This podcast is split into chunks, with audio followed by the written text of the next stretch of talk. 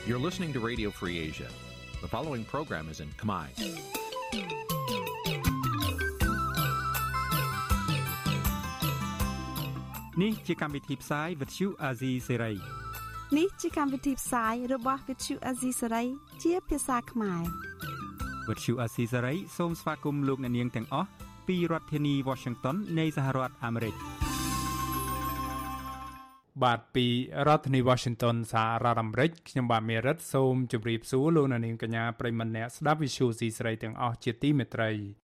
យើងខ្ញុំសូមជូនកម្មវិធីផ្សាយសម្រាប់ព្រឹកថ្ងៃច័ន្ទ9រោចខែចែកឆ្នាំខាលចត្វាស័កពុទ្ធសករាជ2565ដែលត្រូវនឹងថ្ងៃទី25ខែមេសាគ្រិស្តសករាជ2022បាទជាដំបូងនេះសូមអញ្ជើញលោកអ្នកនាងស្ដាប់ព័ត៌មានប្រចាំថ្ងៃដែលមានមេត្តាដូចតទៅ កម្ពុជាបញ្ជាក់ជាថ្មីបដញ្ញាចិត្តពង្រឹងការគ្រប់គ្រងធនធានទឹក និងអាងទន្លេមេគង្គប្រកបដោយចីរភាពក្រុមសមាជិកសភាអាស៊ានដើម្បីសិទ្ធិមនុស្ស APHR ជំរុញឲ្យក្រុមមេដឹកនាំអាស៊ាន ដាក់ទណ្ឌកម្មលើមេដឹកនាំរបបសឹកភូមាក្រុមកោតក្រកាស៊ីណូ Nagawal បន្តប្រកាន់ចំហទាមទារឲ្យក្រុមហ៊ុនទទួលយកបុគ្គលិកឲ្យចូលធ្វើការវិញ ពលរដ្ឋជាង100គ្រួសារដែលរងផលប៉ះពាល់ពីគម្រោងផ្លូវកវ៉ាត់ព្រំដែននៅខេត្តកំពតស្នើឲ្យអាជ្ញាធរផ្ដល់សំណងសំរុំជូនពួកគាត់រួមនឹងព័ត៌មានផ្សេងៗមួយចំនួនទៀតបាទជាបន្តទៅទៀតនេះខ្ញុំបាទមេរិតសូមជូនព័ត៌មានទាំងនេះពិស្ដាបាទលោកនាងប្រិមម្នាក់ស្ដាប់ជាទីមេត្រីកម្ពុជា បញ្ជាក់ចំហសារជាថ្មី ពីការបដិញ្ញាចិត្តយ៉ាងមុតមមសហការជាមួយគ្រប់ភាគីពាក់ព័ន្ធនៅក្នុងតំបន់និងអន្តរជាតិដើម្បីពង្រឹងអភិបាលកិច្ចនិងការគ្រប់គ្រងធនធានទឹក និងអាងទន្លេមេគង្គប្រកបដោយចីរភាពការបញ្ជាក់ចំហសារជាថ្មីនេះធ្វើឡើងនៅក្នុងពេលដែលលោកនាយរដ្ឋមន្ត្រីហ៊ុនសែនទៅចូលរួមកិច្ចប្រជុំកំពូលលើកទី4ស្ដីពីបញ្ហាទឹកនៅតំបន់អាស៊ីប៉ាស៊ីហ្វិកនៅប្រទេសជប៉ុន ដែលបានបិទបញ្ចប់កាលពីថ្ងៃទី24ខែមេសាម្សិលមិញ សេចក្តីប្រកាសព័ត៌មានរបស់ក្រសួងការបរទេសកម្ពុជាផ្សាយកាលពីថ្ងៃទី24ខែមេសាអំពីលទ្ធផលនៃកិច្ចប្រជុំកំពូលនោះឲ្យដឹងថាលោកហ៊ុនសែនបានបញ្ជាក់នៅជំនឿថាឆន្ទៈនយោបាយកម្រិតខ្ពស់ការខិតខំប្រឹងប្រែងនិងការធ្វើសកម្មភាពរួមគ្នានឹងធានាដល់ការសម្រេចបាននូវគោលដៅទឹកសម្រាប់ការអភិវឌ្ឍប្រកបដោយចីរភាពនេះ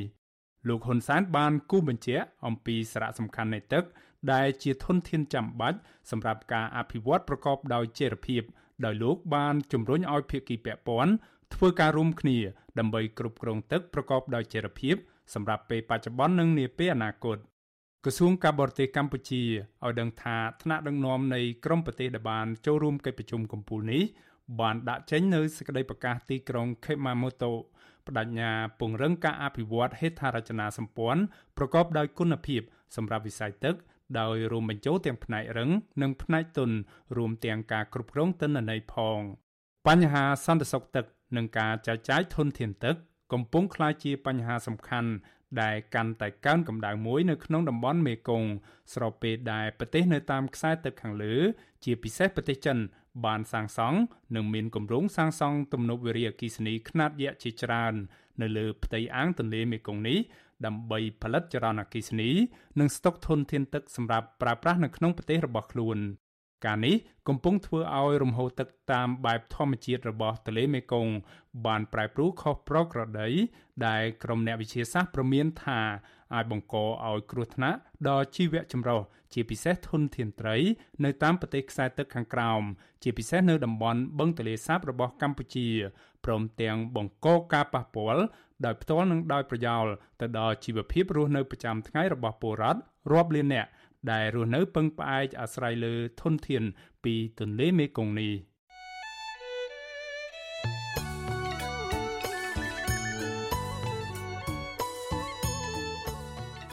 បាទលោកនាងកញ្ញាប្រិមម្នាក់ស្ដាប់ជាទីមេត្រី នៅក្នុងឱកាសនេះដែរខ្ញុំបាទសូមថ្លែងអំណរគុណដល់លោកនាងកញ្ញាទាំងអស់ដែលតែងតែមានភក្ដីភាពចំពោះការផ្សាយរបស់យើងខ្ញុំ ហើយចាត់ទុកការស្ដាប់ Visual Asia សេរីគឺជាផ្នែកមួយនៃសកម្មភាពប្រចាំថ្ងៃរបស់លោកនាងការគ្រប់គ្រងរបស់លោកនាងនេះហើយដែលធ្វើឲ្យយើងខ្ញុំមានទឹកចិត្តកាន់តែខ្លាំងថែមទៀតនៅក្នុងការស្វែងរកនិងផ្តល់ព័ត៌មានពិតជូនលោកនាងមានអ្នកស្ដាប់និងអ្នកទស្សនាកាន់តែច្រើនកាន់តែធ្វើយើងខ្ញុំមានភាពស្វាហាប់និងមោះមុតជាបន្តទៅទៀតបាទយើងខ្ញុំសូមអរគុណទុកជាមុនហើយសូមអញ្ជើញលោកអ្នកនាងកញ្ញាចូលរួមជំរុញឲ្យសកម្មភាពផ្តល់ព័ត៌មានពិតរបស់យើងខ្ញុំនេះ កាន់តែជោគជ័យបន្ថែមទៀតលោកអ្នកនាងអាចជួយយើងខ្ញុំបានដោយគ្រាន់តែចុចចែករំលែកឬ Share ការផ្សាយរបស់យើងខ្ញុំនៅលើបណ្ដាញសង្គម Facebook និង YouTube ទៅកាន់មិត្តភ័ក្តិដើម្បីឲ្យការផ្សាយរបស់យើងបានទៅដល់មនុស្សកាន់តែច្រើន បាទសូមអរគុណ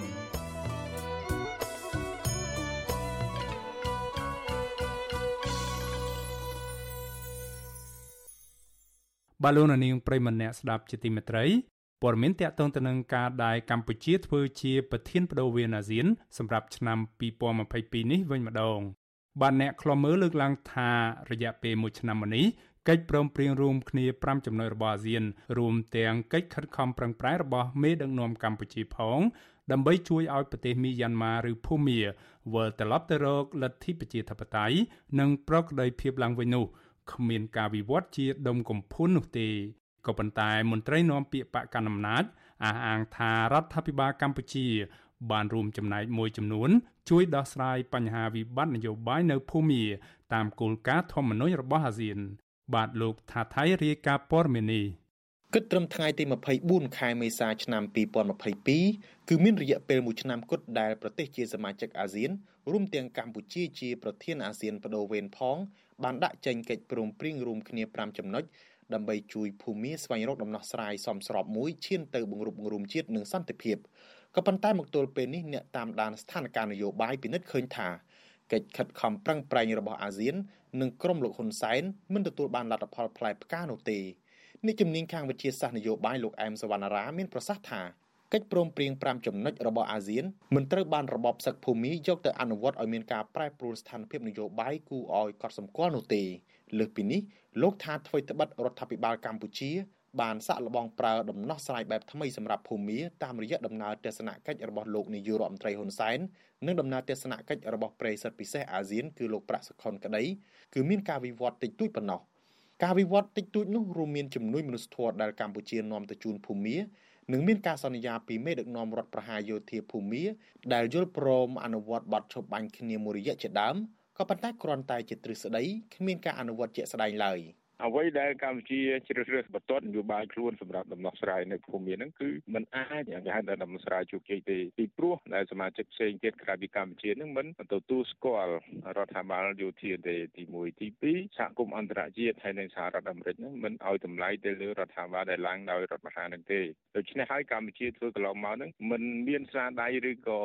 ហៅថាលទ្ធផលអីគួរឲ្យកត់សម្គាល់នៅលើឆាកអន្តរជាតិទេហើយបើយើងនិយាយជារួមហើយអ្វីដែលកម្ពុជាជួបតែភាគីរដ្ឋាភិបាលយោធានឹងត្រូវបានសហគមន៍អន្តរជាតិនិងសមាគមអាស៊ាននឹងដាក់ពិន័យទៅហើយដោយមិនចូលរួមប្រជុំរដ្ឋមន្ត្រីការបរទេសអាស៊ាននេះជាកិច្ចការមួយដែលយើងមើលឃើញហើយលោកបន្តថាក្នុងនាមជាប្រធានអាស៊ានបដូវវេនមេដឹកនាំកម្ពុជាគូតែបដូររបៀបធ្វើការរបស់ខ្លួនដោយងាកមកប្រកាន់យកជំហរអាស៊ានក្នុងការដោះស្រាយវិបត្តិនៅភូមា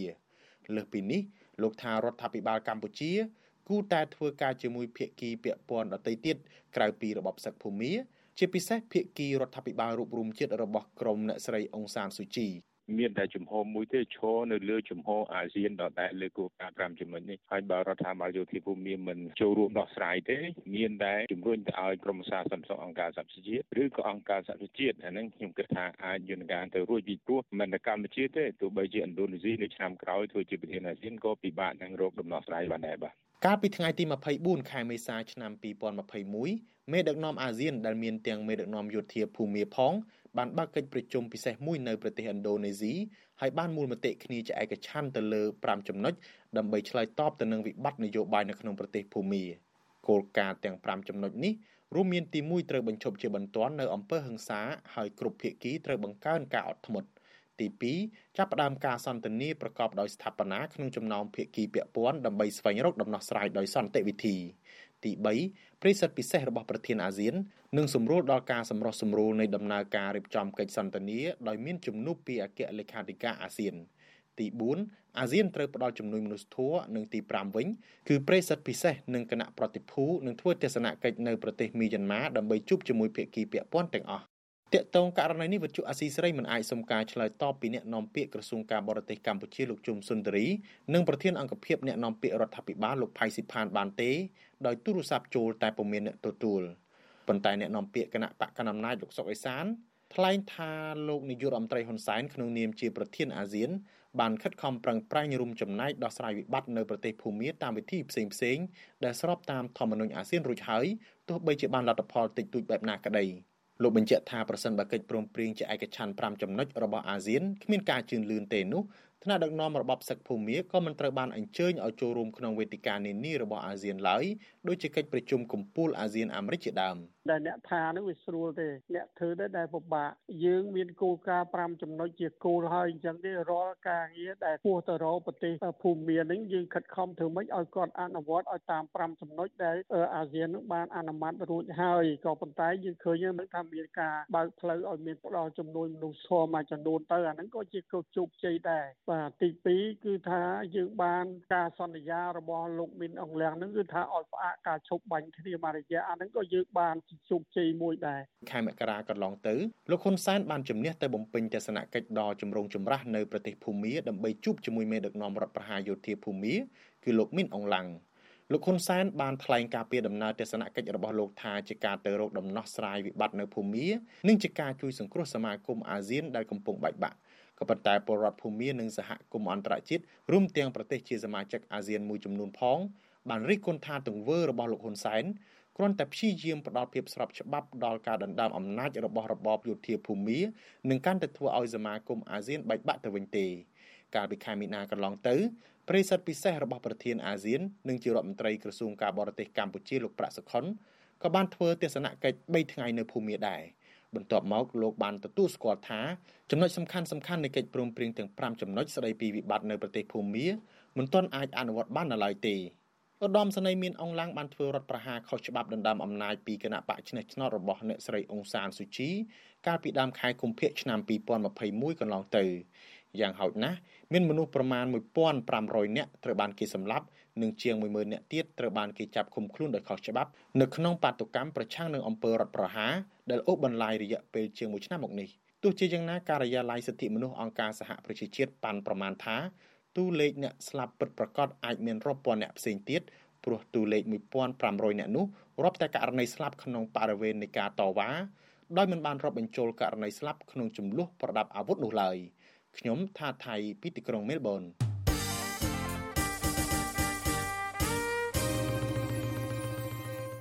បាទលោកនាងប្រិមម្នាក់ស្ដាប់ជាទីមេត្រីតាក់ទងនឹងបញ្ហាវិបត្តិនយោបាយនៅភូមានេះដែរ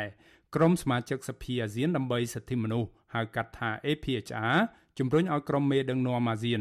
ដាក់ទណ្ឌកម្មលើមេដឹកនាំរបបសឹកមីយ៉ាន់ម៉ាឬភូមាការជំរុញនេះធ្វើឡើងនៅក្នុងលិខិតចំហមួយច្បាប់ផ្ញើជូនក្រុមមេដឹកនាំអាស៊ានទាំង10ប្រទេសរួមទាំងលោកនាយករដ្ឋមន្ត្រីហ៊ុនសែនផង ស្របពេលដែលថ្ងៃទី24ខែមេសា គឺជាខួបមួយឆ្នាំគត់ ចាប់តាំងពីក្រុមមេដឹកនាំអាស៊ាន និងមេដឹកនាំនៃរបបសឹកភូមា បានសម្រេចជាឯកច្ឆន្ទនៅកិច្ចព្រមព្រៀងជាគោលការណ៍ចំនួន5ចំណុចដែលមេដឹកនាំភូមាត្រូវតែគ្រប់តាមដើម្បីដោះស្រាយវិបត្តិនយោបាយនិងវិបត្តិមនុស្សធម៌នៅក្នុងប្រទេសនេះចាប់តាំងពីមានអំពើរដ្ឋប្រហារកាលពីដើមឆ្នាំ2021មកក្រុមសមាជិកសភាអាស៊ានដើម្បីសិទ្ធិមនុស្សគូបញ្ជាក់ថាអស់រយៈពេល1ឆ្នាំមកនេះក្រមយោធាភូមា បានបើកធ្វើសង្គ្រាមយ៉ាងពេញទំហឹងប្រឆាំងទៅនឹងពលរដ្ឋភូមាដែលមិនពេញចិត្តទៅនឹងការដឹកនាំដោយខុសច្បាប់របស់ខ្លួនឧត្តមស្នងការអង្គការសហប្រជាជាតិបានហៅទង្វើរបស់ក្រមយោធាភូមានេះថាជាអំពើរំលោភសិទ្ធិមនុស្សជាប្រព័ន្ធនិងកំពុងតែរីករាលដាលដែលអាចចាត់ទុកថាជាឧក្រិដ្ឋកម្មសង្គ្រាម និងឧក្រិដ្ឋកម្មប្រឆាំងមនុស្សជាតិ ក្រុមសមាជិកសភាអាស៊ានដើម្បីសិទ្ធិមនុស្សជំរុញឲ្យក្រុមមេដឹកនាំអាស៊ានទាំង10ប្រទេសអនុវត្តនៅជំហានចំនួន4ចំណុចដើម្បីបញ្ឈប់នៅអំពើខុសខើរបស់ក្រមយោធាភូមាតម្រូវឲ្យពួកគេទទួលខុសត្រូវនិងចាប់ផ្ដើមដំណើរការឆ្ពោះទៅរកសន្តិភាព និងលទ្ធិប្រជាធិបតេយ្យនៅក្នុងប្រទេសនេះក្នុងចំណោមជំហានទាំង4ចំណុចនេះទី1ក្រុមសមាជិកសភាអាស៊ានដើម្បីសិទ្ធិមនុស្សហៅកាត់ថា APHR បានស្នើឲ្យអាស៊ាន ពិចារណាឡើងវិញនៅទួលនីតិនិងយន្តការនៃការតែងតាំងប្រិសិទ្ធពិសេសរបស់អាស៊ាន សម្រាប់បញ្ហាមីយ៉ាន់ម៉ា APHR ថាប្រេសិតពិសេសរបស់អាស៊ានពីមុន និងបច្ចុប្បន្ននេះពុំមានសមត្ថភាពអាចដោះស្រាយបញ្ហានៅភូមាបានទេដោយសារតែប្រេសិតពិសេសរបស់អាស៊ានត្រូវបានផ្លាស់ប្ដូរជារៀងរាល់ឆ្នាំដែលធ្វើឲ្យពួកគេពិបាករក្សានូវគោលនយោបាយទៀងទាត់មួយ APHR ចង់ឃើញសមាគមអាស៊ាន បង្កើតនៅទូនាទីរបស់ប្រេសិតពិសេសនេះជាលក្ខណៈយូរអង្វែងនឹងត្រូវឆ្លើយតបទៅនឹងជំហររបស់អាស៊ានជារួមដោយមិនត្រូវឆ្លុះបញ្ចាំងពីជំហររបស់ប្រធានបដូវវេនអាស៊ាននោះទេចំណុចទី2ក្រុមសមាជិកសភាអាស៊ានដើម្បីសិទ្ធិមនុស្ស APHR គូសបញ្ជាក់អំពីការមិនបានកំណត់ពេលវេលាជាក់លាក់ដែលក្រុមមេដឹកនាំរបបសឹកយោធាភូមាត្រូវតែអនុវត្តតាម ការនេះបានធ្វើឲ្យកិច្ចព្រមព្រៀងកុងសង្ស៊ីស5ចំណុចពុំមានប្រសិទ្ធភាព APHR សង្កត់ធ្ងន់ថាដល់ពេលវេលាហើយ ដែលក្រុមមេដឹកនាំរបបសឹកភូមាត្រូវប្រឈមទៅនឹងទណ្ឌកម្មដោយសារតែទង្វើបែបឧក្រិដ្ឋរបស់ពួកគេទណ្ឌកម្មទាំងនោះមានដូចជាការព្យួរសមាជិកភាពរបស់មីយ៉ាន់ម៉ាពីសមាគមអាស៊ាន ការហាម5មេដឹកនាំរបបសឹកភូមា លោកមីនអងលៀងនិងសមាជិកនៃរបបនេះមិនឲ្យធ្វើដំណើរនៅក្នុងតំបន់អាស៊ាននឹងការដាក់ទណ្ឌកម្មជាក់លាក់ប្រឆាំងទៅនឹងផលប្រយោជន៍សេដ្ឋកិច្ចរបស់ក្រុមមេដឹកនាំរដ្ឋប្រហារភូមាក្រៅពីនេះក្រុមសមាជិកសភាអាស៊ានដើម្បីសិទ្ធិមនុស្សក៏ជំរុញឲ្យក្រុមមេដឹកនាំអាស៊ានជួបជាមួយតំណាងរដ្ឋាភិបាលរួបរวมជាតិភូមាហៅកាត់ថា NUG ដែលជារដ្ឋាភិបាលស្របច្បាប់ ជាបន្ទាន់នឹងជាសាធារណៈ ដើម្បីបើកឲ្យមាននៅកិច្ចសន្ទនាដោះស្រាយបញ្ហានៅភូមាចំណុចចុងក្រោយ APHR ជំរុញឲ្យអាស៊ាន ចាប់ផ្ដើមធ្វើការជាបន្ទាន់ជាមួយសហគមន៍មូលដ្ឋាន និងអង្គការសង្គមស៊ីវិលនៅភូមាព្រមទាំងភ្នាក់ងារអន្តរជាតិពាក់ព័ន្ធនានាដើម្បីផ្ដល់ជំនួយដល់ផ្ទាល់ប្រកបដោយប្រសិទ្ធភាពដល់ពលរដ្ឋភូមា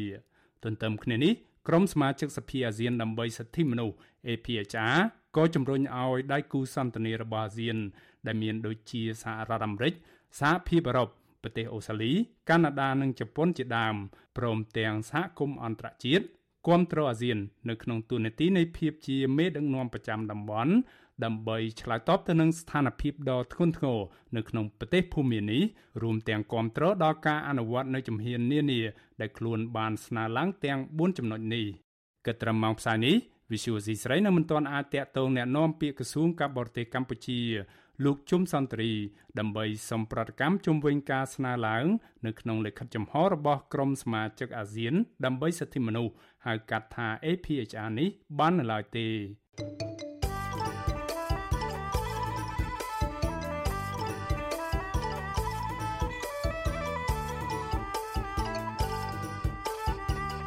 បាទលោកនាងប្រិមម្នាក់ស្ដាប់ជាទីមេត្រីតកតងនឹងបញ្ហាវិបត្តិនយោបាយនៅភូមានិងការស្នើឡើងទាំង4ចំណុចរបស់ក្រុមសមាជិកសភាអាស៊ានដើម្បីសិទ្ធិមនុស្សហៅកាត់ថា APHR នេះដែរបាទជាបន្តទៅទីនេះសូមអញ្ជើញលោកនាងស្ដាប់បទសម្ភាសរវាងអ្នកស្រីសុជីវីជាមួយនឹងបណ្ឌិតសេងសេរី អ្នកខ្លំមើលបញ្ហាសង្គមនិងនយោបាយជុំវិញបញ្ហានេះដូចតទៅ។ ចាលោកបណ្ឌិតសេចក្តីរាយការណ៍របស់យើងពីខាងដើមនេះតកតងថាប្រទេសជាសមាជិកអាស៊ានមេដឹកនាំអាស៊ានរួមទាំងកម្ពុជាដែលជាប្រធានអាស៊ាននេះគឺมันបានសម្រេចអនុវត្តគោលការណ៍កិច្ចព្រមព្រៀង5ចំណុចដើម្បីឲ្យរបបសឹកវាឬក៏ប្រទេសភូមានឹងត្រឡប់មកគ្រប់តាមគោលការណ៍ប្រជាធិបតេយ្យឲ្យវិញនឹងបានទេតើចំពោះលោកសេនស៊ូរីលោកមើលឃើញអាណាចាចំណុចទាំងនេះមានមូលហេតុអ្វីដែលធ្វើឲ្យពិបាកនៅក្នុងការអនុវត្តរឿងនេះនៅពេលដែលកន្លងមកហ្នឹងលោកក៏មានសុខទិដ្ឋិនិយមចំពោះដែលគុណយមត្រីហ៊ុនសែននឹងបានព្រួយដើមទៅមានទំនាក់ទំនងអីជាមួយរបបសឹកភូមាតាំងពីដំបូងមកនឹងចា៎បាទបើយើងមើលកុងសង្ស៊ី5ចំណុចហ្នឹងគឺកើតឡើងនៅទីក្រុងសាកាតាអំឡុងពេលដែលប្រទេសប្រុយណេគឺជាប្រធានអាស៊ានហើយកុងសង្ស៊ី5ចំណុចនោះគឺត្រូវបានរដ្ឋាភិបាលសឹកភូមាហ្នឹងបដិសេធសំបីតែប្រេសិតពិសេសពីប្រទេសប្រុយណេហ្នឹងក៏មិនត្រូវបានអនុញ្ញាតឲ្យចូលទៅប្រទេសភូមាដែរ ហើយពេលដែលកម្ពុជាខ្លាយទៅជាប្រធានអាស៊ានយើងឃើញថាលោកនាយករដ្ឋមន្ត្រីហ៊ុនសែនបានផ្ដួចផ្ដើមនៅគំនិតមួយចំនួនដែលវិធីសាស្ត្រនៅក្នុងការដោះស្រាយតាមផ្លូវកាត់មានន័យថាប្រមុខនៃប្រធានអាស៊ាននឹងចូលទៅជួបជាមួយនឹងថ្នាក់ដឹកនាំរបស់ភូមិហើយសង្ឃឹមថានឹងទទួលបានលទ្ធផលក៏ប៉ុន្តែទន្ទឹមនឹងហ្នឹងយើងឃើញថាមានការរិះគន់ ច្រើនមកលើរដ្ឋាភិបាលកម្ពុជា ជាពិសេសបណ្ដាអង្គការអន្តរជាតិផ្សេងៗហ្នឹងរួមទាំងសមាជិកអាស៊ានមួយចំនួនផងដែលការបន្ទោសនោះគឺផ្ដោតសំខាន់ទៅលើការទៅធ្វើទស្សនកិច្ចនៅប្រទេសភូមាពីសំណាក់លោកនាយករដ្ឋមន្ត្រីហ៊ុនសែនហ្នឹងមិនបានជជែកជាមួយនឹងសមាជិកអាស៊ានហើយក៏មានអ្នកវិភាគយើងជាជាអ្នកវិភាគកម្ពុជាយើងហ្នឹងក៏មានការស្ដីបន្ទោសឬក៏មានការយល់ថាវាមិនទទួលបានជោគជ័យហើយឥឡូវនេះយើងឃើញថាមកដល់ពេលនេះហើយស្ថានភានៅក្នុងឆ្នាំ2022នេះយើងមានការប្រែប្រួលខ្លាំងរហូតទៅដល់នៅក្នុងកៅភ្នែករបស់អាស៊ានបច្ចុប្បន្នឬក៏នៅក្នុងកៅភ្នែករបស់អន្តរជាតិត្រូវបានមើលឃើញបញ្ហាភូមិថាជាជាបាយប្អូនទៅហើយអ្វីដែលសំខាន់នោះគឺលែងបញ្ហាភូមិលែងคล้ายទៅជាបញ្ហាអតិភិបរបស់អាស៊ាននៅក្នុងការដោះស្រាយបញ្ហាហើយក៏លែងคล้ายទៅជាបញ្ហាអតិភិបរបស់អន្តរជាតិរួមទាំងសហរដ្ឋអាមេរិកផងក្នុងការដោះស្រាយបញ្ហារបស់ភូមិ បញ្ហារបស់ភូមានេះត្រូវបានអាស៊ានចាត់ទុកមិនមិនចាត់ទុកជាបញ្ហាអតិភិបទៀតទេហើយបញ្ហារបស់ពិភពលោកពិភពលោកក៏លែងចាត់ទុកបញ្ហារបស់ភូមាជាបញ្ហាអតិភិបដោយសារតែពីរឿងមានការឈ្លានពានរបស់រុស្ស៊ីមកលើប្រទេសអ៊ុយក្រែនអញ្ចឹងពិភពលោកក៏សម្លឹងទៅលើប្រទេសអ៊ុយក្រែនច្រើនជាងប្រទេសភូមាដូច្នេះហើយឥឡូវនេះយើងឃើញថាបញ្ហារបស់ភូមាជាជាបាយប្អូនសម្រាប់កែវភ្នែករបស់អាស៊ានហើយនឹងក៏ជាបាយប្អូនសម្រាប់កែវភ្នែករបស់អន្តរជាតិដែរបាទ ចានៅពេលដែលមិនមានការយកចិត្តទុកដាក់ពីសហគមន៍អន្តរជាតិបែបនេះតើយ៉ាងម៉េចទៅនៅពេលដែលខាងសមាជិកសភាអាស៊ាន APHR ដើម្បីសិទ្ធិមនុស្សហ្នឹងគាត់បានលើកឡើងនៅសំណុំពរឬក៏ចំណុច4ដែលចង់ឲ្យសមាជិកអាស៊ានទាំង10ប្រទេសហ្នឹងអនុវត្តទៅដើម្បីឲ្យទាញរបបសឹកភូមិហ្នឹងមកតាមគោលការណ៍ប្រជាធិបតេយ្យឬក៏គោរពតាមចំណុចទាំង5ដែលបានព្រមព្រៀងគ្នាហ្នឹងចា៎ ហើយចំណុចដែលសំខាន់ជាគេនៅក្នុងចំណោម4ចំណុចហ្នឹងគឺការដាក់ទណ្ឌកម្មទៅលើប្រទេសភូមាតាមដែលអាចจะធ្វើទៅបានហើយនឹងដកសមាជិកភាពអីប្រទេសភូមាឬក៏មានម៉ានឹងចេញពីសមាគមប្រជាជាតិអាស៊ីអាគ្នេយ៍អាស៊ាននឹងទៀតតើលោកសេងសេរីមើលឃើញយ៉ាងម៉េចចាស់កន្លែងនេះសម្រាប់ខ្ញុំខ្ញុំមិនចាំច្បាស់ទេប្រហែលជានៅក្នុងបណ្ដាអង្គការអន្តរជាតិមួយចំនួនហ្នឹងគឺមានសភាអាស៊ានដើម្បីសិទ្ធិមនុស្សហ្នឹងក៏ជា តួអង្គមួយដែលបានស្ដីបន្ទោសទៅលើរដ្ឋាភិបាលកម្ពុជានៅក្នុងការដួចផ្ដើមនៅដំណោះស្រាយថ្មីសម្រាប់សម្រាប់ប្រទេសភូមាប៉ុន្តែឥឡូវនេះបើសិនខ្ញុំពិនិត្យមើល4ចំណុចរបស់សភាអាស៊ាននេះខ្ញុំនៅមើលឃើញថារបៀបរបបរបស់សភាអាស៊ាននៅក្នុងការស្នើឲ្យប្រធានអាស៊ានដែលកម្ពុជាជាប្រធានអាស៊ាននេះក៏ពិបាកនៅក្នុងការធ្វើឲ្យកម្ពុជាយកចិត្តទុកដាក់នៅក្នុងការពិចារណាដើម្បីយកជំហានទាំង4នេះយកទៅប្រើដែរ ទី1គឺឥឡូវនេះកម្ពុជានៅមិនមានពេលច្រើនទេមកដល់ពេលនេះគឺនៅពេលប្រហែលជា5 7 8ខែបើយើងរាប់មើលទៅឥឡូវនេះខែខែ4ហើយអញ្ចឹងនៅ7ខែទៀតកម្ពុជាផុតអាណត្តិក្នុងនាមជាប្រធានអាស៊ានហើយហើយកម្ពុជាបាន មើលឃើញថាបញ្ហាភូមិនេះគឺជាបញ្ហាដែលធ្វើក៏ត្រូវបានស្ដីបន្ទោសមិនធ្វើក៏ត្រូវបានស្ដីបន្ទោសដូច្នេះពេលដែលឃើញថាសំបីតែភូមិខ្លួនឯងហ្នឹងក៏មិនមានចេតនានៅក្នុងការដោះស្រាយបញ្ហានេះបានធ្វើឲ្យកម្ពុជាហ្នឹងហាក់ដូចជាប្រងើយកន្តើយឬក៏មិនចាត់ទុកបញ្ហារបស់ភូមិជាបញ្ហាអតិភិបរបស់អាស៊ានទេមួយទៀតខ្ញុំមើលឃើញថាសភាអាស៊ានសម្រាប់សិទ្ធិមនុស្សនេះគឺយន្តការ4ចំណុចរបស់សភានេះគឺមិនឆ្លើយតបទៅនឹងបញ្ហាពិតប្រាកដរបស់ភូមិទេដោយសារតែអីខ្ញុំខ្ញុំនៅតែជឿថា ការប្រើប្រាស់មធ្យោបាយទណ្ឌកម្មទៅលើប្រទេសណាមួយដើម្បីផ្លាស់ប្ដូររបបឬក៏ផ្លាស់ប្ដូរនេះវាអត់មានប្រសិទ្ធភាពទេហើយយើងឃើញថានៅក្នុងប្រវត្តិសាស្ត្រគេហៅ contemporary history ហ្នឹងគេហៅប្រវត្តិសាស្ត្រអន្តរកាលអន្តរសម័យអន្តរកាលនេះគឺការដាក់ទណ្ឌកម្មនេះគេរៅបានមើលឃើញថាវាអត់មានប្រសិទ្ធភាពទេតាំងពីក្រោយសង្គ្រាមលោកលើកទី2មកអញ្ចឹងហើយខ្ញុំសម្រាប់ខ្ញុំខ្ញុំយកទ្រឹស្ដីហ្នឹងយកមកពិនិត្យមើលថាតើ វិធីសាស្ត្រនៅក្នុងការដាក់ទណ្ឌកម្មទៅលើប្រទេសភូមាហ្នឹងមានប្រសិទ្ធភាពនៅក្នុងការដោះស្រាយបញ្ហាភូមិដែរឬទេហើយវាពិបាកនៅក្នុងការធ្វើការវិតម្លៃណាថាតើការប្រើប្រាស់ វិធីសាស្ត្រទណ្ឌកម្មការដកសមាជិកភាពអីជាដើមនេះវាអាចកាន់តែជំរុញឲ្យភូមិបើយើងយោងទៅតាមសភាអាស៊ាននេះគឺកាន់តែជំរុញឲ្យភូមិនឹងផុងជ្រៅទៅក្នុងរបបផ្ដាច់ការ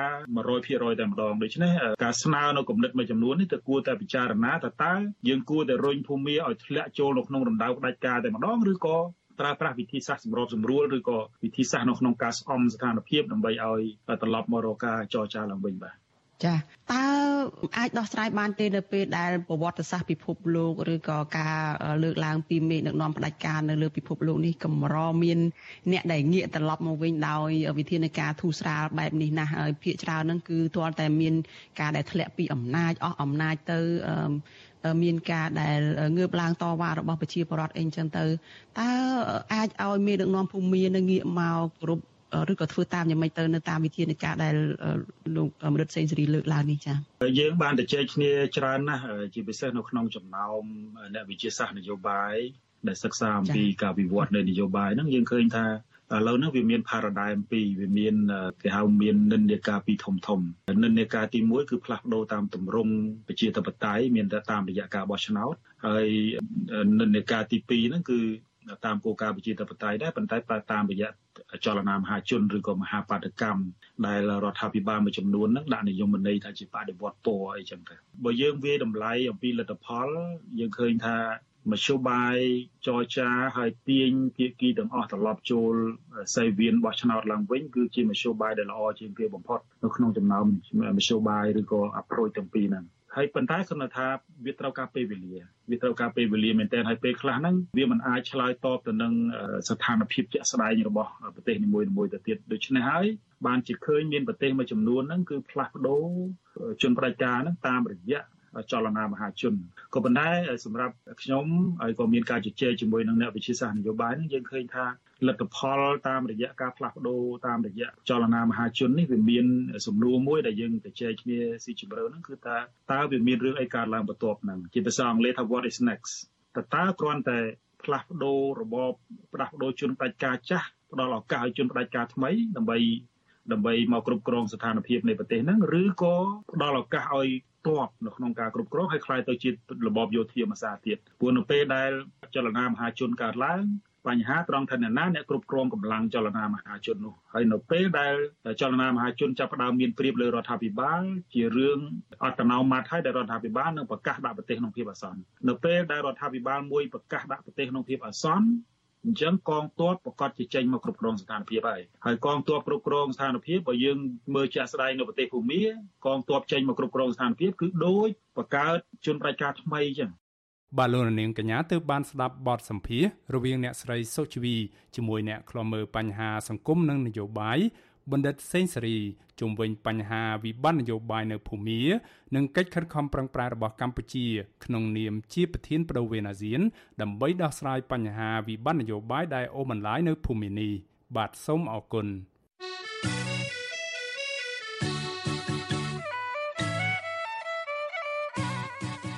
បាឡូណានាងប្រិមម្នាក់ស្ដាប់ជាទីមេត្រីដំណើរគ្នានឹងស្ដាប់កម្មវិធីផ្សាយរបស់ Visual C ស្រីតាមបណ្ដាញសង្គម Facebook និង YouTube លោកអ្នកនាងក៏អាចស្ដាប់កម្មវិធីផ្សាយរបស់ Visual C ស្រីតាមរលកធារកាសខ្លីឬ Shortwave តាមកម្រិតនិងកម្ពស់ដូចតទៅនេះពេលព្រឹកចាប់ពីម៉ោង5កន្លះដល់ម៉ោង6កន្លះតាមរយៈរលកធារកាសខ្លី12140 kHz ស្មើនឹងកម្ពស់ 25m និង13715 kHz ស្មើនឹងកម្ពស់ 22m ពេលយប់ចាប់ពីម៉ោង7កន្លះដល់ម៉ោង8កន្លះតាមរយៈរលកធារកាសខ្លី9960 kHz ស្មើនឹងកម្ពស់ 30m និង12140 kHz ស្មើនឹងកម្ពស់ 25m បាទសូមអរគុណបាទលោកនាងប្រិមម្នាក់ស្ដាប់ជាទីមេត្រីព័ត៌មានពាក់ព័ន្ធនឹងរឿងរ៉ាវនយោបាយវិញម្ដង បាទមេធាវីការពីក្តីឲ្យស្ថាបនិកគណៈបកបេះដូងជាតិលោកស៊ីមភ្លុកស្នើសុំសាលាដំបូងរាជធានីភ្នំពេញឲ្យបញ្ឈប់ដីកាតាមចាប់ខ្លួនដោយជំនួសមកវិញនៅដីកាបង្គាប់ឲ្យចូលខ្លួនវិញដោយសំអាងហេតុផលថាសមត្ថកិច្ចបានបញ្ជូនដីកាទៅកូនក្តីរបស់ខ្លួន ដោយខុសអាសយដ្ឋានស្នាក់នៅលោកមេធាវីជួងជងីបានបញ្ជាក់នៅក្នុងលិខិតដាក់ទៅតុលាការចុះថ្ងៃទី22ខែមេសាថា កូនក្តីរបស់លោកគឺលោកសៀមភ្លុកមិនបានទទួលដោយការណាមួយដែលផ្ទាល់ពីតឡាការតតសោះដែលបង្គាប់ឲ្យលោកចូលខ្លួនទៅបំភ្លឺនៅតឡាការពីមុនមកនោះទេក៏ប៉ុន្តែបែរជារបាយការណ៍របស់នគរបាលអះអាងថាគេបានបញ្ជូនដីកាឲ្យចូលទៅតឡាការ ទៅអាសយដ្ឋានរស់នៅរបស់លោកស៊ីមភ្លុកហើយទីតាំងនោះបានបិទមិនអាចឲ្យសមត្ថកិច្ចតាក់ទងបានទើបតឡាការចេញដីកាឲ្យចាប់ខ្លួនលោកស៊ីមភ្លុក តាមរយៈដីកាបង្គាប់ឲ្យនាំខ្លួនកាលពីថ្ងៃទី4ខែមីនាតែទោះជាយ៉ាងណាលោកមេធាវីជួងជងីបញ្ជាក់ថាអាញាធរបានបញ្ជូនដីកាទៅខុសសាយដ្ឋានពលគឺកូនក្តីរបស់លោករស់នៅសង្កាត់ទួលស្វាយព្រៃទី1ខណ្ឌបឹងកេងកងឯដីកាបញ្ជូនគឺទៅខណ្ឌរិស័យកែវ លោកមេធាវីដដែលឲ្យដឹងទៀតថាចំណាត់ការរបស់ចៅក្រមស៊ើបសួរបែបនេះមិនសមស្របនៅក្នុងការអនុវត្តនីតិវិធីនោះឡើយហើយនេះឲ្យលោកស្នើឲ្យប្រធានតឡាការបញ្ឈប់ការតាមចាប់ខ្លួនលោកសៀមភ្លុកព្រោះកូនក្តីរបស់លោកមិនបានរឹងរូសឬគេចវេះពីការចូលខ្លួននោះឡើយក៏ប៉ុន្តែដោយសារតែកូនក្តីមិនបានទទួលដីកាទៅវិញទេ កាលពីថ្ងៃទី20ខែមេសាស្ថាបនិកគណៈបកបេដងជាតិលោកសៀមភ្លុកបានចេញសេចក្តីថ្លែងការណ៍ថាលោកនឹងចូលខ្លួនទៅបំភ្លឺតាមដីកាឲ្យចូលខ្លួនរបស់តុលាការវិសុយស៊ីស្រីនៅមិនទាន់អាចសុំការឆ្លើយតបរឿងនេះពីអ្នកនាំពាក្យតុលាការក្រុងភ្នំពេញបាននៅឡើយទេ កាលពីយប់ថ្ងៃទី24ខែមេសា ចៅក្រមស៊ើបសួរលោកលីសុខាបានចេញដីកាបង្គាប់ឲ្យនាំខ្លួនលោកស៊ីមភ្លុកប្រគល់ជូនសាលាដំបូងរាជធានីភ្នំពេញឲ្យបានមុនថ្ងៃទី25ខែមេសាពីបទចោទក្លែងបន្លំ និងប្រើប្រាស់លិខិតក្លែង នៅក្នុងការបង្កើតគណៈបកបេះដូងជាតិ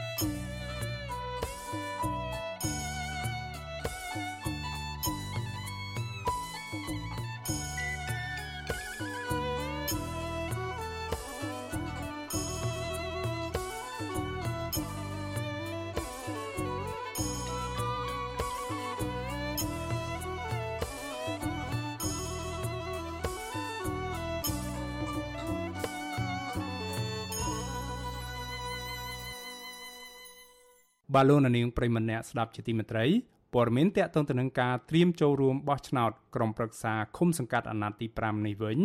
បាទក្រុមការងារគណៈបណ្ឌនយោបាយមួយចំនួន កំពុងបន្តសកម្មភាពយ៉ាងមមាញឹកនៅក្នុងការចុះមូលដ្ឋាន ដើម្បីផ្សព្វផ្សាយពីគោលនយោបាយរបស់គណៈបកខ្លួនគណៈការបោះឆ្នោតក្រុមប្រឹក្សាឃុំសង្កាត់អាណត្តិទី5កាន់តែខិតជិតចូលមកដល់ ក៏ប៉ុន្តែអ្នកសង្កេតការណ៍មួយចំនួនលើកឡើងថាការបោះឆ្នោតក្រុមប្រឹក្សាឃុំសង្កាត់ក្នុងអាណត្តិនេះមានការរឹតបន្តឹងផ្នែកនយោបាយជាងអាណត្តិមុនមុនស្របពេលដែលការបោះឆ្នោតក្រុមប្រឹក្សាឃុំសង្កាត់អាណត្តិទី5ឆ្នាំ2022កាន់តែខិតជិតមកដល់គណៈបណ្ឌនយោបាយធំធំពីរបានដឹកនាំក្រុមការងារចុះមូលដ្ឋាន ដើម្បីពង្រឹងសមត្ថភាពដល់ក្រុមប្រឹក្សានិងបេក្ខជនឈរឈ្មោះបោះឆ្នោត ក្នុងចំណោមគណៈបណ្ឌនយោបាយចំនួន17ដែលបានដាក់បេក្ខជនប្រកួតប្រជែងការបោះឆ្នោតក្រុមប្រឹក្សាឃុំសង្កាត់អាណត្តិនេះគណៈបកភ្លើងទៀនក៏កំពុងផុសផុលចោះជួបសកម្មជននៅតាមមូលដ្ឋានគណៈគណៈបកនេះមានចំនួនបេក្ខជនឈរឈ្មោះក្រុមប្រឹក្សាឃុំសង្កាត់ប្រដំប្រសងគ្នាជាមួយនឹងគណៈបកប្រជាជនកម្ពុជាអនុប្រធានគណៈបកភ្លើងទៀនលោកថាច់សេដ្ឋា ប្រាវិសុយស៊ីស្រីនៅថ្ងៃទី24ខែមេសាថាក្រុមការងារគណៈបករបស់លោក បានចុះនៅតាមមូលដ្ឋានជាបន្តបន្ទាប់នៅក្នុងគោលបំណងផ្សព្វផ្សាយពីគោលនយោបាយដើម្បីឲ្យប្រជាពលរដ្ឋយល់ដឹងអំពីលទ្ធិប្រជាធិបតេយ្យពិតប្រាកដលោកអាហាងថាគណៈបកភ្លើងទៀនបានដាក់ចេញនូវគោលនយោបាយសំខាន់សំខាន់ដែលមានជាអាចដូចជាការគោរពសិទ្ធិអំណាចពលរដ្ឋការផ្តល់សេវាមូលដ្ឋាន ការផ្តល់សេវាសាធារណៈល្អ ការលុបបំបាត់អំពើពុករលួយ និងការការពារទ្រព្យកម្មសិទ្ធិរបស់ប្រជាពលរដ្ឋជាដើមសេវាសាធារណៈហ្នឹងឲ្យបានរហ័សអ្វីដែលយើងអាចធ្វើទៅបានដោយមិនមានការរើសអើងមិនប្រកាន់និន្នាការនយោបាយអ្វីទាំងអស់ទោះបីជានៅមកពីនិន្នាការគណៈបកនយោបាយណាក៏ដោយយើងទៅតែបែងចែកការងារនៅក្នុងក្រុងព្រឹទ្ធឃុំសង្កាត់ហ្នឹងក៏ដូចជាប្រជាពលរដ្ឋទទួលបានសេវាស្មើស្មើគ្នាហើយជៀសវាងកុំឲ្យមានពើពុករលួយជាដាច់ខាតរីឯគណៈបកកណ្ដាលអំណាចវិញ ក៏បានស្វាស្វែងដឹកនាំក្រុមការងារចុះតាមមូលដ្ឋាន នៅបណ្ដារាជធានីខេត្តក្រុង ដើម្បីផ្សព្វផ្សាយពីគោលនយោបាយរបស់បកខ្លួនផងដែរសកម្មជនគណបកប្រជាជនកម្ពុជាភាគច្រើន លើកឡើងនៅតាមបណ្ដាញសង្គមនិងរំលឹកដល់ពលរដ្ឋឲ្យដឹងពីគុណបំណាច់នៃមលុបសន្តិភាពក្រោមការដឹកនាំរបស់លោកហ៊ុនសែនទោះជាយ៉ាងណាអ្នកនាំពាក្យគណបកប្រជាជនកម្ពុជា លោកសុកអេសានធ្លាប់ប្រាប់វិសុយស៊ីស្រីកាលពីពេលកន្លងទៅថា គណៈបករបស់លោកគ្រាន់តែបំពេញបន្ថែមនៅចំណុចដែលខ្វះខាតតែប៉ុណ្ណោះពីព្រោះកម្មវិធីនយោបាយនៅថ្នាក់មូលដ្ឋាននោះមិនអាចអនុវត្តតែមួយឬពីរអាណត្តិហើយទទួលបានលទ្ធផលនោះទេលោកថាគោលនយោបាយអធិភាពសម្រាប់គណៈបកប្រជាជនកម្ពុជា ក្នុងការប្រកួតប្រជែងខាងមុខនេះមានដូចជាវិធានការបង្ក្រាបបទល្មើសគ្រឿងញៀនលបែងស៊ីសង និងអំពើហិង្សាក្នុងគ្រួសារជាដើម ចំណែកឯគណៈបញ្ញយោបាយមួយចំនួន ដែលពុំសូវមានបេក្ខជនឈរឈ្មោះក្រុមប្រឹក្សាឃុំសង្កាត់អាណត្តិនេះក៏បានចុះផ្សព្វផ្សាយពីគោលនយោបាយនៅតាមមូលដ្ឋាន ហើយគណៈបកខ្លះទៀតបានបង្ហាញគោលជំហរនិងឆន្ទៈពីការដឹកនាំបែបលទ្ធិប្រជាធិបតេយ្យនៅលើបណ្ដាញសង្គមជុំវិញរឿងនេះនាយកប្រតិបត្តិអង្គការឃ្លាំមើលការបោះឆ្នោត Netflix លោកសំគុណធីមី សង្កេតឃើញថាដំណើរការបោះឆ្នោតឃុំសង្កាត់នៅក្នុងអាណត្តិនេះ មានការរឹតបន្តឹងជាងអាណត្តិមុនដោយសារតែគណៈបកដៃគូប្រកួតប្រជែងមួយចំនួនរងនឹងការធ្វើទុកបុកម្នេញគ្រប់រូបភាពពីសំណាក់អាជ្ញាធរនៃគណៈបកកណ្ដាលអំណាចលោកបន្តថាបើគណៈបកនយោបាយដែលមានបេក្ខជនឃុំសង្កាត់ប្រហាក់ប្រហែលគ្នាទៅនឹងគណៈបកកណ្ដាលអំណាចនៅតែបន្តរងនឹងការគំរាមកំហែងដោយសពថ្ងៃនេះនោះដំណើរការនៃការបោះឆ្នោតនេះនឹងមិនសេរីត្រឹមត្រូវនឹងយុត្តិធម៌នោះទេ ជាពិសេសទៅលើគណៈបកនយោបាយកម្មបង្កើតមកហ្នឹងគាត់ពីភ្លើងពៀនគេចង់រដ្ឋបတ်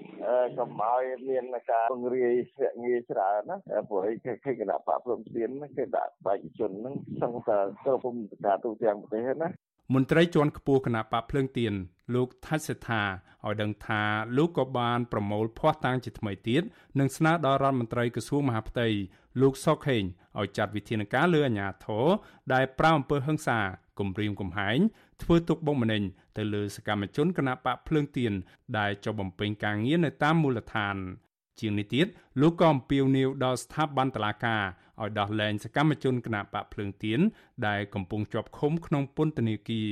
ដើម្បីឲ្យពួកគេអាចចូលរួមបោះឆ្នោត និងធ្វើសកម្មភាពនយោបាយជាមួយគណបកភ្លើងទៀនដោយសេរី មកទល់ពេលនេះមានសកម្មជនគណបកភ្លើងទៀនសរុបចំនួន6នាក់ហើយនៅក្នុងនោះក៏រួមមានទាំងសាច់ញាតិរបស់ពួកគេជាអនិច្ចជនផងត្រូវបានអាជ្ញាធររដ្ឋាភិបាលលោកហ៊ុនសែនចាប់ដាក់ពន្ធនាគារ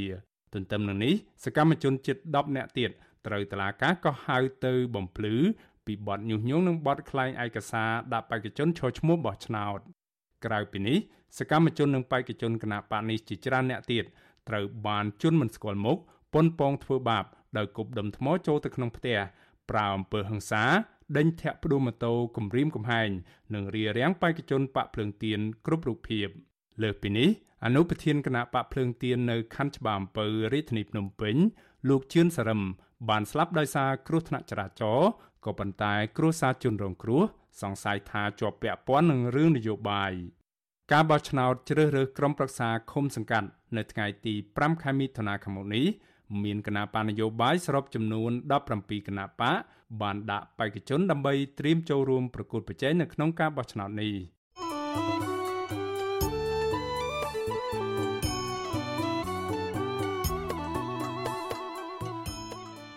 បាឡូណានៀងប្រិមម្នាក់ស្ដាប់ជាទីមេត្រីក្រៅពីតាមដានកម្មវិធីផ្សាយរបស់ Visual C ស្រីតាមបណ្ដាញសង្គម Facebook YouTube និង Telegram លោកនាងក៏អាចតាមដានកម្មវិធីផ្សាយរបស់យើង តាមបណ្ដាញសង្គម Instagram ដែលមានអាសយដ្ឋាន instagram.com/rfa ខ្មែរ Visual C ស្រីបន្តខិតខំផ្សព្វផ្សាយព័ត៌មានពិតជូនដល់លោកនាង តាមរយៈបណ្ដាញសង្គមផ្សេងៗនិងសម្បូរបែបដើម្បីឲ្យលោកនាងងាយស្រួលតាមដានការផ្សាយរបស់យើងគ្រប់ពេលវេលា និងគ្រប់ទីកន្លែងតាមរយៈទូរស័ព្ទដៃរបស់លោកនាង បាទសូមអរគុណ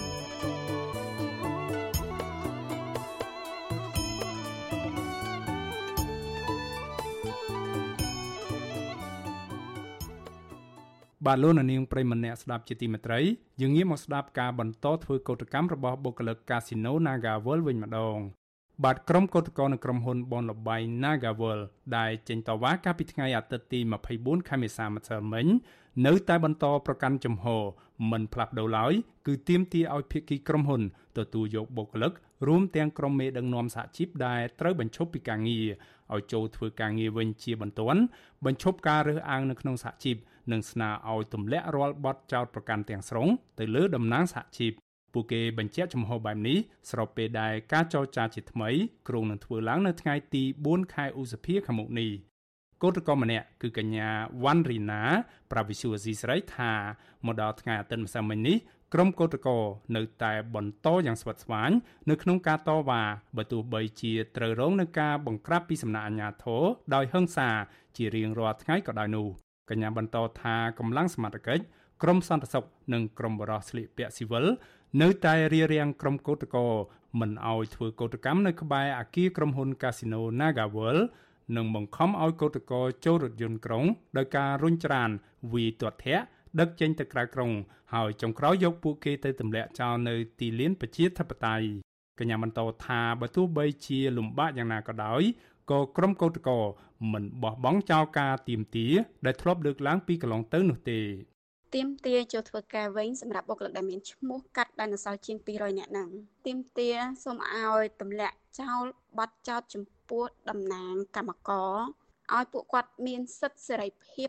ឡើងវិញអត់មានឲ្យរបៀបថាគាត់ចេញមកចរចាគាត់ចេញអីប៉ុន្តែបាត់ចោតនៅតែមានជាប់ខ្លួនពួកគាត់នៅឡើយអញ្ញាធរនិងក្រុមស្លីបេស៊ីវិលមួយចំនួនហ្នឹង បានប្រើអំពើហិង្សាទៅលើបុគ្គលិកជាស្ត្រី គឺគាត់ទាត់តែម្ដងហ៎បងទាត់ទៅលើចាគាត់ទាត់ទៅហ្នឹងគឺត្រូវនិយាយទៅ គឺត្រូវគេខ្មាស់ខាងក្រៅរបស់ស្ត្រីហ្នឹងគឺខាងអាញាធរក៏អត់មានសម្របសម្រួលឬក៏ស្វែងរកដំណោះស្រាយជំរុញទៅខាងនយោជកឲ្យចេញមកដោះស្រាយអីទេ ចំហរបស់គាត់គឺតឹងតែងហ្មងគឺរៀបរៀងក្រុមបុគ្គលិកមិនឲ្យចិត្តធ្វើកតកម្មនៅក្បែររបស់ក្រុមហ៊ុន ក្រុមកតកោនិងសហជីពរិះគន់ថាក្រសួងកាងារអសមត្ថភាពនិងព្យាយាមអូសបន្លាយមិនព្រមដោះស្រាយវិបត្តិការងារដ៏រ៉ាំរ៉ៃនេះដែលធ្វើឲ្យក្រុមកតកោជាច្រើនអ្នកមានបញ្ហាសេដ្ឋកិច្ចគ្រួសារនិងប្រឈមបញ្ហាសុខភាពលើសពីនេះទៀតពួកគេថាថ្នាក់ដឹកនាំក្រសួងកាងារមិនមានឆន្ទៈពិតប្រាកដក្នុងការជំរុញឲ្យភាគីក្រុមហ៊ុនទទួលយកសមាជិករបស់សហជីពជាង200នាក់ ឲ្យចូលធ្វើការងារវិញនោះទេ ដែលជាហេតុធ្វើឲ្យភាគីក្រុមហ៊ុន នៅតែបន្តបដិសេធមិនព្រមទទួលសហជីពនិងកម្មករឲ្យចូលបម្រើការងារឡើងវិញ ក្នុងជំនួបចរចាកាលពីថ្ងៃទី22ខែមេសាក្រមសហជីពឲ្យដឹងថាភាគីទាំងសងខាងនឹងជួបជជែកគ្នារកដំណោះស្រាយជាថ្មីទៀតនៅក្រសួងកាងារនៅថ្ងៃទី4ខែឧសភាខាងមុខនេះ។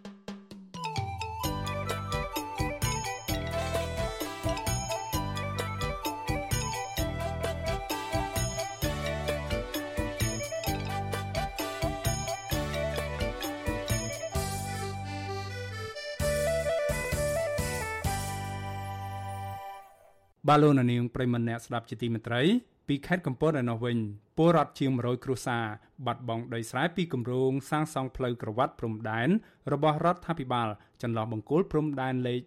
301រហូតដល់លេខ307នៅស្រុកកំពង់ត្រាចស្នើដល់អាជ្ញាធរពាក់ព័ន្ធផ្ដល់សំណងផលប៉ះពាល់តាមតម្លៃទីផ្សារនិងចេញប្លង់កម្មសិទ្ធិថ្មីលើក្បាលដីដែលនៅសេសសល់ជូនពួកគេឲ្យបានឆាប់រហ័សក៏ប៉ុន្តែអាជ្ញាធរមូលដ្ឋានថាករណីនេះ ហួសដែនសមត្ថកិច្ចមន្ត្រីសង្គមស៊ីវិលលើកឡើងថាការដកហូតដីស្រែរបស់ប្រជាពលរដ្ឋដោយមិនបានផ្ដល់សំណងជំនួននេះគឺជាការរំលោភបំពានកម្មសិទ្ធិឯកជនដោយខុសច្បាប់ បាទពីរដ្ឋធានី Washington លោកសនច័ន្ទរដ្ឋារាយការណ៍ព័ត៌មាននេះប្រជាពលរដ្ឋជា100គ្រួសាររស់នៅក្នុងភូមិចំនួន5នៅក្នុងឃុំប្រៃក្រឹសស្រុកកំពង់ត្រាចស្នើយ៉ាងទទូចដល់អាជ្ញាធរពាក់ព័ន្ធពន្លឿនការដោះស្រាយបញ្ហាដីធ្លីរបស់ប្រព័ន្ធ ដែលបានដកហូតយកទៅសាងសង់ផ្លូវក្រវ៉ាត់ព្រំដែនជាប់ប្រទេសវៀតណាមអ្នកភូមិសោកស្ដាយចំពោះអាញាធរដែលអូបន្លាយដោះស្រាយបញ្ហាដីធ្លីរបស់ពួកគាត់ជាច្រើនឆ្នាំហើយធ្វើឲ្យពួកគាត់គ្មានដីធ្វើស្រែចម្ការចិញ្ចឹមជីវិតដំណាងបររងគ្រោះដីធ្លីលោកឌីកុនធាបានប្រាវិទ្យាអាស៊ីសេរីថ្ងៃទី24ខែមេសាថារយៈពេលជាង4ឆ្នាំមកហើយដែលកងកម្លាំងវិស្វកម្មរបស់រដ្ឋាភិបាលបានដកហូតដីស្រែចម្ការរបស់ប្រជាពលរដ្ឋជា100គ្រួសារយកទៅសាងសង់ផ្លូវក្រវ៉ាត់ព្រំដែន ដោយពុំបានឆ្លងកាត់ការពិភាក្សាហើយដោះស្រាយផលប៉ះពាល់ជូនដល់ពលរដ្ឋនោះទេលោកបន្តថាក្រោយពីមានគម្រោងនេះបានធ្វើបរិបទរងផលប៉ះពាល់មានសម្ពាធផ្លូវចិត្តដោយសារបាត់បង់ដីស្រែចម្ការបង្កមិនកាន់ផលហើយធ្វើប្រកបមានជីវភាពកាន់តែលំបាកលំបិនហើយចុះបំណុលធនាគារជាដើមតំណាងកសិកររំនេះខកចិត្តជាខ្លាំងចំពោះអភិបាលខេត្តកំពតដែលមិនអើពើដោះស្រាយសំណើរបស់ប្រជាពលរដ្ឋហើយអាជ្ញាធរបាយជាព្យាយាមទប់ស្កាត់និងគម្រិតកំហែងប្រជាពលរដ្ឋរងគ្រោះ ដែលហ៊ានប្តឹងទាមទារសំណងពីរដ្ឋទៅវិញទោះបីយ៉ាងណាក៏ដោយគឺយើងអត់បោះបង់ចោលស្វែងរកការគាំពៀមតិផ្នែក ក្របខ័ណ្ឌផ្លូវច្បាប់ឬផ្នែកគោលនយោបាយទេមិនថាតាមនីតិវិធីរដ្ឋបាលមិនថាតាមរយៈការទៀងគោកម្លាំងកសិករទៅមុខសាលាខេត្តបាទដើម្បីស្វែងរកយុត្តិធម៌សង្គមមួយជូនគ្រួសាររងគ្រោះជាង100គ្រួសារដែលបាត់បង់ឆ្នាំងបាយរបស់គាត់នឹងអស់រយៈពេលច្រើនឆ្នាំមកហើយប៉ុន្តែមិនមានការអើពើពីអាជ្ញាធរបេះដូងសណាមួយដែលមានឆន្ទៈមានមនសិការមានសតិសម្បញ្ញៈមួយខ្វល់អំពីឆ្នាំងបាយរបស់កសិករនៅឡើយបាទ ជុំវិញរឿងនេះមេឃុំប្រៃក្រាស់ស្រុកកំពង់ត្រែលោកសេឈិនថ្លែងថាបរិវត្តរងផលប៉ះពាល់ដោយស្រែពីគម្រោងសាងសង់ផ្លូវកង្វះព្រំដែនជាប់ប្រទេសវៀតណាមនេះរដ្ឋាភិបាលមិនទាន់ផ្ដល់សំណងជូនដល់ពួកគាត់ឡើយទេប៉ុន្តែលោកបញ្ជាក់ថាករណីនេះហួសដែនសមត្ថកិច្ចរបស់ឃុំហើយលោកជំរុញឲ្យសាកសួរថ្នាក់លើទៅវិញ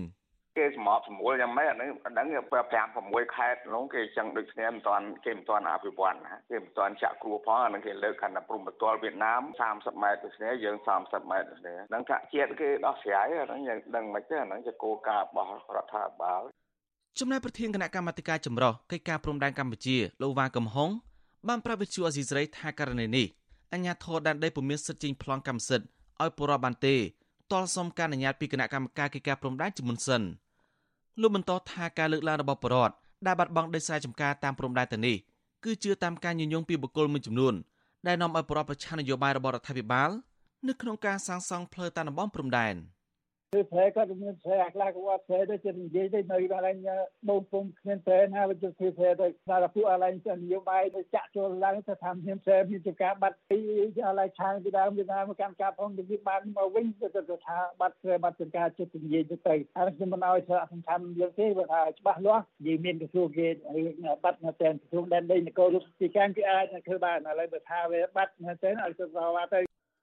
បើទោះបីជាយ៉ាងណា ពលរដ្ឋរងគ្រោះអះអាងថាពួកគាត់បានអាស្រ័យផលលើដីស្រែទៅនោះចំនួន2កន្លះហិកតាទៅ1ហិកតាក្នុងមួយគ្រួសារតាំងពីឆ្នាំ1979ហើយមានប្លង់កម្មសិទ្ធិដែលទទួលស្គាល់ដោយអាជ្ញាធរត្រឹមត្រូវពួកគាត់លើកឡើងថាស្រាប់តែឆ្នាំ2018អាជ្ញាធរបានដាក់កងកម្លាំងចម្រុះនិងគ្រឿងចាក់ឈូសឆាយដកហូតដីស្រែចម្ការរបស់ពួកគាត់ចំនួន103គ្រួសារហើយរដ្ឋាភិបាលយកទៅសាងសង់គម្រោងផ្លូវកង្វះព្រំដែនកម្ពុជាវៀតណាមចន្លោះបង្គោលព្រំដែនលេខ301រហូតដល់307នៅក្នុងភូមិចំនួន5 នៅក្នុងភូមិប្រៃក្រឹសស្រុកកំពង់ត្រាយខេត្តកំពតពួកគាត់ដឹងថាកាលពីខែមករាឆ្នាំ2020រដ្ឋាភិបាលបានចេញសេចក្តីជំនុំមួយឲ្យរដ្ឋបាលខេត្តកំពតរៀបចំគណៈកម្មការនិងក្រុមបច្ចេកទេសដោះស្រាយសំណើរបស់ពលរដ្ឋក៏ប៉ុន្តែមកទល់ពេលនេះអាជ្ញាធរខេត្តមិនបានចាត់វិធានការជូនពលរដ្ឋនៅឡើយទេពលរដ្ឋរងគ្រោះទាំងនេះស្នើដល់អាជ្ញាធរពាក់ព័ន្ធពលិននីតិវិធីដោះស្រាយផ្ដោតសំណងសំរុំស្របតាមតម្លៃទីផ្សារបច្ចុប្បន្ន10ដុល្លារក្នុង1ម៉ែត្រការ៉េនិងធ្វើប្លង់កម្មសិទ្ធិថ្មី ចំពោះដីធ្លីដែលនៅសេសសល់ពីគម្រោងនេះជូនដល់ប្រជាជនដើម្បីឲ្យប្រកបមានលទ្ធភាពចិញ្ចឹមគ្រួសារ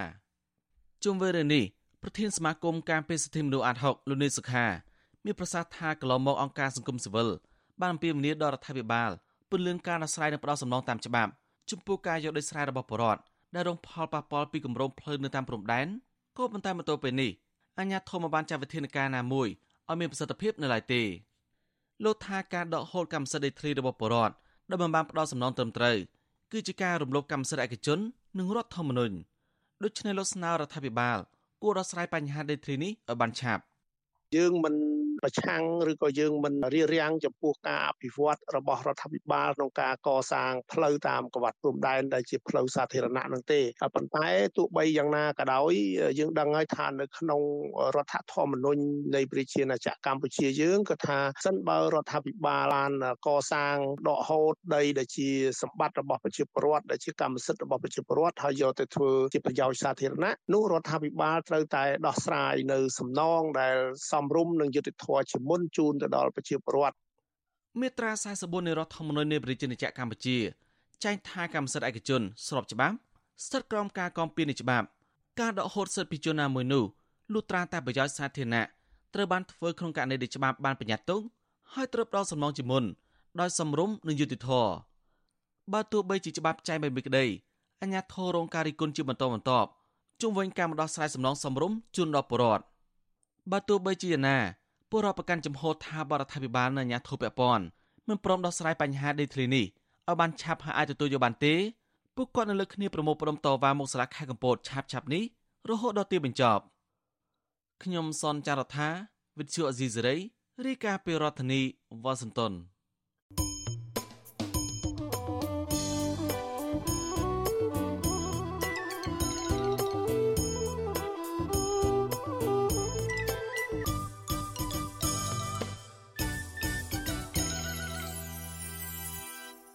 បាឡូណានាងប្រិមនអ្នកស្ដាប់ជាទីមេត្រីព័ត៌មានពីប្រទេសថៃឯណោះវិញពលករខ្មែរចំនួន2នាក់បានស្លាប់និង12នាក់ទៀតបានរងរបួសធ្ងន់នៅក្នុងអបតវៈហេតុគ្រោះថ្នាក់ចរាចរណ៍ក្នុងពេលដែលពួកគេធ្វើដំណើរតាមផ្លូវជាតិនៅខេត្តស្រះកែវនៃប្រទេសថៃកាលពីថ្ងៃទី23ខែមេសាអាជ្ញាធរថៃនិងផ្នែកសង្គ្រោះថៃបានបញ្ជូនជនរងគ្រោះទាំងអស់ទៅកាន់មន្ទីរពេទ្យនៅខេត្តស្រះកែវដើម្បីព្យាបាល វិសុយស៊ីស្រីមិនទាន់អាចតាក់ទងស្ថានឯកអគ្គរដ្ឋទូតកម្ពុជាប្រចាំប្រទេសថៃបាននៅឡើយទេជុំវិញព័ត៌មានតាក់ទងទៅនឹងពលករខ្មែរស្លាប់និងរងគ្រោះនៅក្នុងគ្រោះថ្នាក់ចរាចរណ៍នេះព្រោះពុំមានអ្នកទទួលទូរស័ព្ទ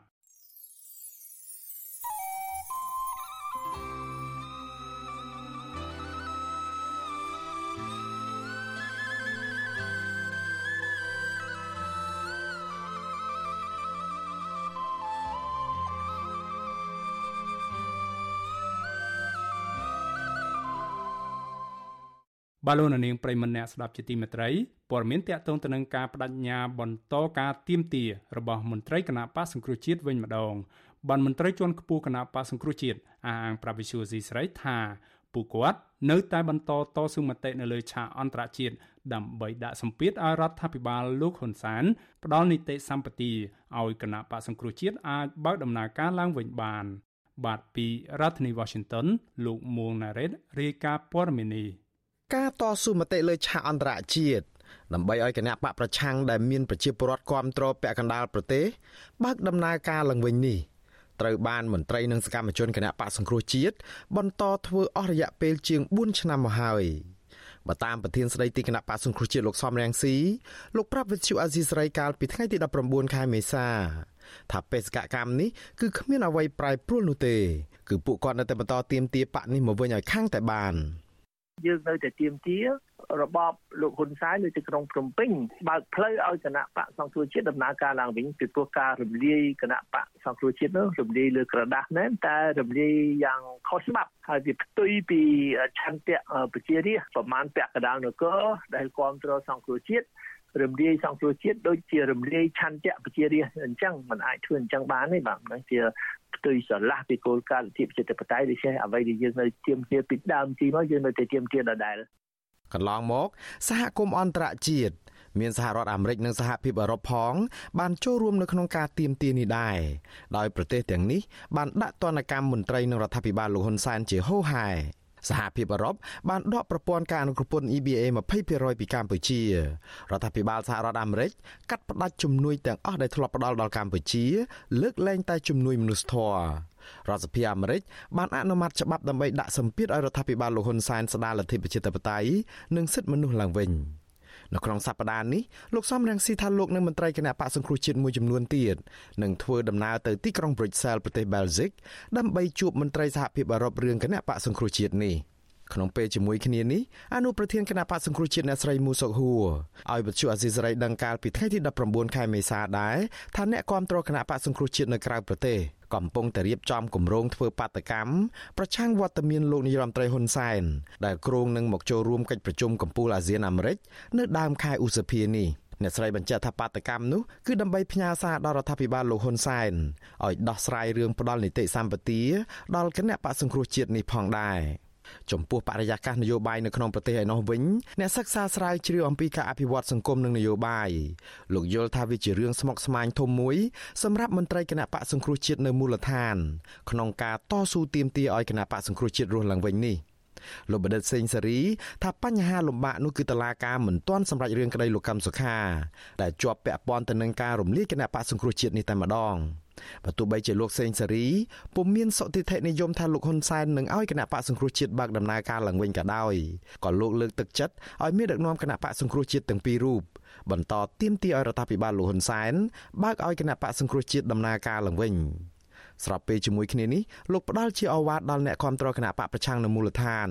ឲ្យជ្រើសរើសជំរើសថ្មីមួយដែលជំនួសគណៈបកសង្គ្រោះជាតិដើម្បីបើកច្រកឲ្យមានកម្លាំងនយោបាយប្រឆាំងបន្តក្តីសង្ឃឹមនិងដង្ហើមតស៊ូនយោបាយនៅមូលដ្ឋាន គឺគ្រប់គ្រងគណៈបកភ្លើងទៀន លោកកឹមសុខាអាចបន្តតស៊ូដើម្បីទាមទារគណៈបកសង្គ្រោះជាតិនឹងមកវិញមកជាពិសេសជាមួយនឹងលោកសំរងស៊ីហើយចលនានយោបាយថ្មី ចលនាបន្តវេននៃមរតកនយោបាយរបស់លោកសំរងស៊ីនឹងក៏បន្តតស៊ូនៅក្នុងឆាកនយោបាយអញ្ចឹងអាហ្នឹងយើងយើងមើលទៅដូចជាចែកគ្នាលេងអញ្ចឹងទៅដើម្បីធ្វើម៉េចឲ្យវា មានតលយៈភាពហើយបង្ហាញជាពិសេសនឹងលោកកឹមសុខាឲ្យបង្ហាញអំពីការតស៊ូដើម្បីឲ្យបានសង្គ្រោះជាតិមកវិញផងហើយទន្ទឹមនឹងហ្នឹងចលនាថ្មីក៏បន្តចូលរួមប្រគល់ប្រជែងនៅក្នុងការបោះឆ្នោតអញ្ចឹងទៅបាទការយល់ឃើញរបស់លោកសេងសេរីមានភាពស្របគ្នាទៅនឹងទស្សនៈរបស់លោកសំរងស៊ីដែលលោកអះអាងថាគណៈបកសង្គ្រោះជាតិអត់បាត់បង់តម្លៃទៅណានោះទេទោះជានៅទីក្រុងភ្នំពេញរដ្ឋាភិបាលលោកហ៊ុនសែនបិទផ្លូវគណៈបកនេះយ៉ាងណាក្តីលោកសំរងស៊ីជឿជាក់ថាពលរដ្ឋដែលធ្លាប់បោះឆ្នោតគ្រប់គ្រងគណៈបកសង្គ្រោះជាតិនៅតែស្រឡាញ់និងជឿជាក់លើគណៈបកនេះ។ ក៏ប៉ុន្តែលោកថាជាសិទ្ធិរបស់ប្រជាពលរដ្ឋនៅមូលដ្ឋានក្នុងការជ្រើសរើសគាំទ្រនិងបោះឆ្នោតឲ្យគណៈបកណាមួយសិននៅក្នុងការបោះឆ្នោតខាងមុខនេះបើពលរដ្ឋទុកចិត្តនឹងជឿជាក់ថាគណៈបកនោះមានជំហរប្រជាធិបតេយ្យសេរីភាពយុត្តិធម៌និងជួយប្រជាពលរដ្ឋទុនខ្សោយនិងក្រីក្រ ចំពោះការតស៊ូនៅលើទឹកដីប្រទេសកម្ពុជាបើគ្មានជំរឿសអ្វីទេពីព្រោះការបោះឆ្នោតនេះជិតមកដល់ហើយឲ្យប្រជាពលរដ្ឋលោកគិតទៅលោកខ្លឹងខ្លាញ់ខ្លួនលោកទៅថាមានគណៈបកណាដែលមានជំហរដោយគណៈបកសង្គ្រោះជាតិជំហរនោះអត់មានទោសពេកអីទេយើងមានជំហរយ៉ាងណាប្រជារាស្ត្រនឹងគ្រប់គ្រងយើងតាមនឹង សហគមន៍អន្តរជាតិខាងប្រទេសលោកសេរីឈរនៅខាងអ្នកប្រជាធិបតេយ្យខ្មែរនៅក្នុងការទាមទារឲ្យស្ដារសិទ្ធិមនុស្សនិងប្រជាធិបតេយ្យឡើងវិញក៏ប៉ុន្តែការប្រកាសគាំទ្រគណៈបកនយោបាយថ្មីជំនួសគណៈបកសង្គ្រោះជាតិនៅក្នុងពេលដែលការតស៊ូទាមទារយកគណៈបកសង្គ្រោះជាតិមកវិញមិនទាន់បានសម្រេចនៅឡើយបែបនេះរងការរិះគន់ថាធ្វើមិនចំគោលដៅ អ្នកវិភាគនយោបាយលោកកឹមសុខថាអ្នកប្រជាធិបតេយ្យត្រូវមានគោលដៅពិតប្រាកដមួយ គឺទាមទារគណៈបកសង្គ្រោះជាតិឲ្យខាងតែបានព្រោះការទាមទារគណៈបកប្រឆាំងដែលគេរំលាយទាំងខុសច្បាប់នេះគឺដើម្បីទាមទាររកយុត្តិធម៌បើទោះបីជាមិនបាន100%ក៏ត្រូវបានចំណែកណាមួយសមរម្យដែរលោកកឹមសុខថាបើការទៀមទានេះខុសគោលដៅនោះវានឹងធ្វើឲ្យកម្លាំងទៀមទារោគយុតិធធនេះចុះខ្សោយប្រសិនបើទៅចូលរួមការបោះឆ្នោត នៅពេលដែលវិបត្តិនយោបាយដ៏ធំគេប្លន់អំណាចតែម្ដងប្លន់អំណាចគណៈបកសង្គ្រោះជាតិអត់ទាន់មានដំណោះស្រាយអ្វីទាំងអស់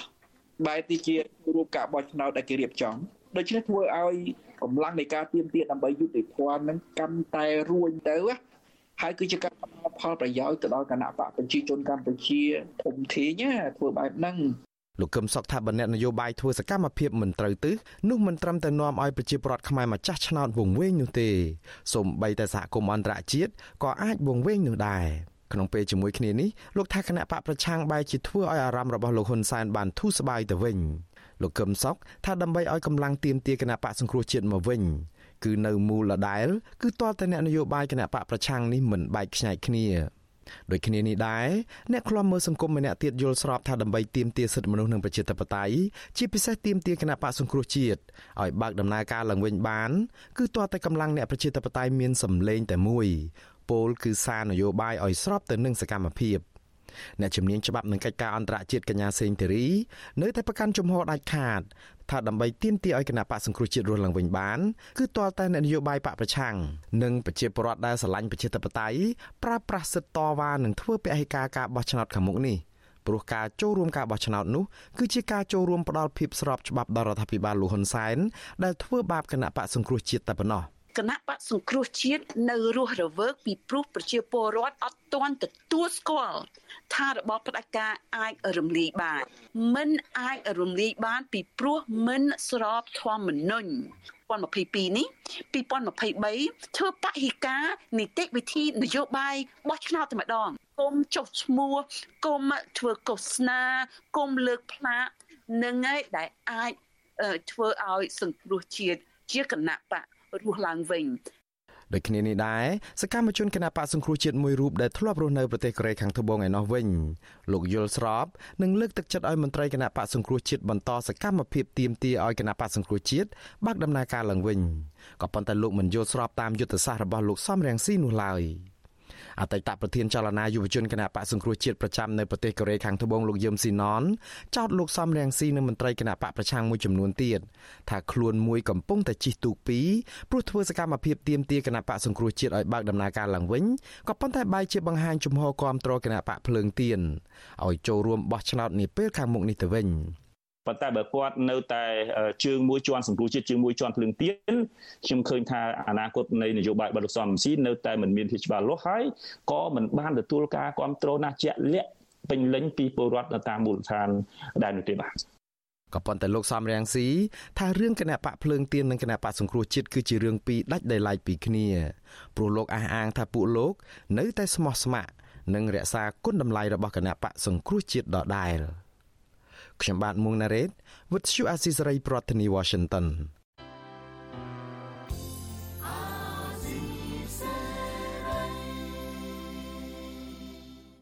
បាទលោកនាងកញ្ញាប្រិមមអ្នកស្ដាប់ជាទីមេត្រីកម្មវិធីផ្សាយរយៈពេល1ម៉ោងនៃ Visual Asia ស្រីជាភាសាខ្មែរនៅពេលនេះចប់តែប៉ុណ្ណេះយើងខ្ញុំសូមជូនពរដល់លោកនាងកញ្ញាព្រមទាំងក្រុមគ្រួសារទាំងអស់ឲ្យជួបប្រកបតែនឹងសេចក្តីសុខចម្រើនរុងរឿងកំបីឃ្លានឃ្លាតឡើយ